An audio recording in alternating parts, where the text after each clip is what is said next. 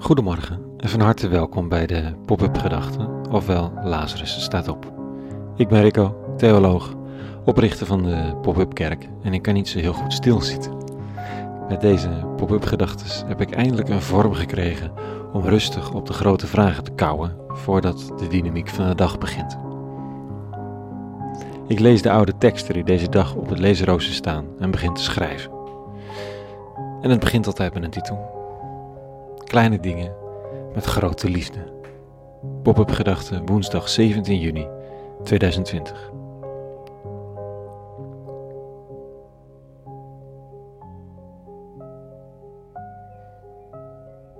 Het is altijd een beetje gedoe, vind ik. Dat wikken en wegen of mijn intenties wel zuiver zijn. Of mijn hart wel op de goede plek zit. Ga maar wat doen. Dan wordt dat vanzelf wel duidelijk waarom je de dingen doet dat afwachtende, voorbereidende werk. Het is niet zo mijn stiel. Ik word dan ook altijd heel gelukkig van de Bijbelse fragmenten waarin staat dat het goede doen in zichzelf al goed is, zonder dat ik helemaal na hoef te gaan of mijn intenties wel zuiver waren. Kijk, natuurlijk heeft het geen zin om te proberen iets zinnigs te doen om daarmee punten te scoren voor mensen om je heen of om mezelf beter of rijker van te worden. Ik zie daar het probleem wel van in. Maar ik zie ook de mogelijkheid om jezelf te verliezen en te verlammen door je eindeloos af te vragen of je de dingen die je zou willen betekenen voor de ander wel echt hartelijk en oprecht meent. En zo niet, ja, dan doe ik het nog maar niet. Soms moet je gewoon die kaart sturen, dat cadeau geven, die stap zetten, omdat het goed is in zichzelf. Basta. Maar de lezing van vandaag roept dus wel op tot introspectie. En de uitleg van een monnik die ik erover lees nog meer. Dit staat er. In die tijd zei Jezus tot zijn leerlingen: Denk erom, behoeven u uw gerechtigheid niet voor het oog van mensen om aandacht te trekken, anders hebt u geen recht op loon bij uw Vader die in de hemel is. Loon, loon. Nou ja, verderop zegt hij dat je niet schijnheilig publiek moet bidden om maar geprezen te worden. Dan heb je dat loon ook al te pakken. En, en niet met een uitgeput gezicht aan iedereen tonen dat je druk aan het vasten bent.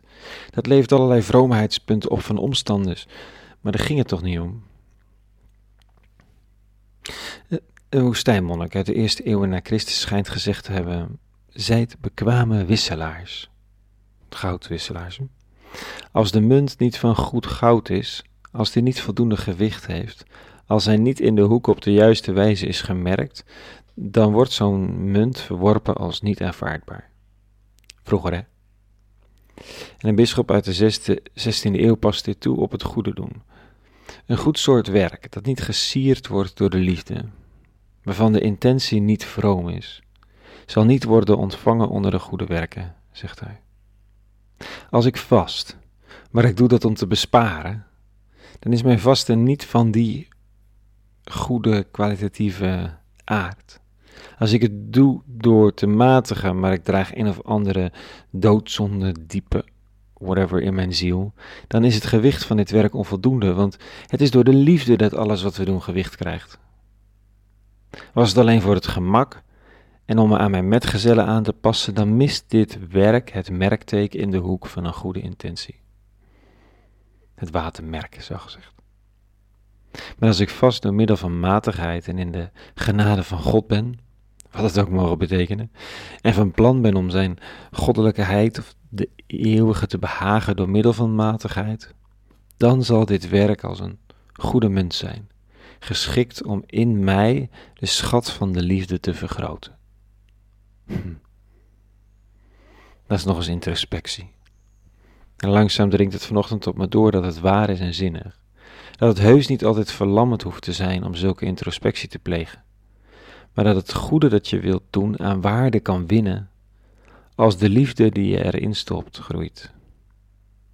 Als het bij vasten niet meer gaat om wat aan je gewicht te doen, maar werkelijk om puur iets van dat goddelijke te ontmoeten, dan gebeurt er iets anders tijdens dat vasten, natuurlijk. Hij vervolgt: Het gaat erom kleine daden uitstekend te doen, om ze te doen met een grote reinheid van intentie en een sterke wil om God, of het goede zeg ik er even bij, te behagen, dan heiligen ze ons in grote mate. Hij zegt, er zijn zielen die veel goede werken doen, maar weinig groeien in de liefde, omdat ze die ofwel met een koud hart en lauw doen, ofwel uit instinct en natuurlijke neiging.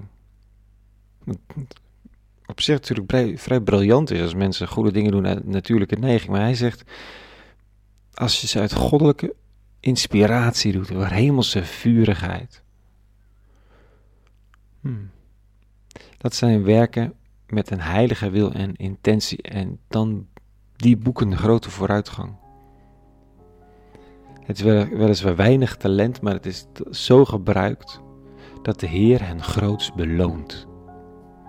Ik weet niet of ik loon nu zo'n belangrijke categorie vind, maar hij zegt het effect en de impact is nu eenmaal groter als ik de kleine dingen met grote liefde leer doen. Nou, dat neem ik graag mee vandaag de dag in. Een hele goede woensdag gewenst vandaag. En vrede. En alle goeds.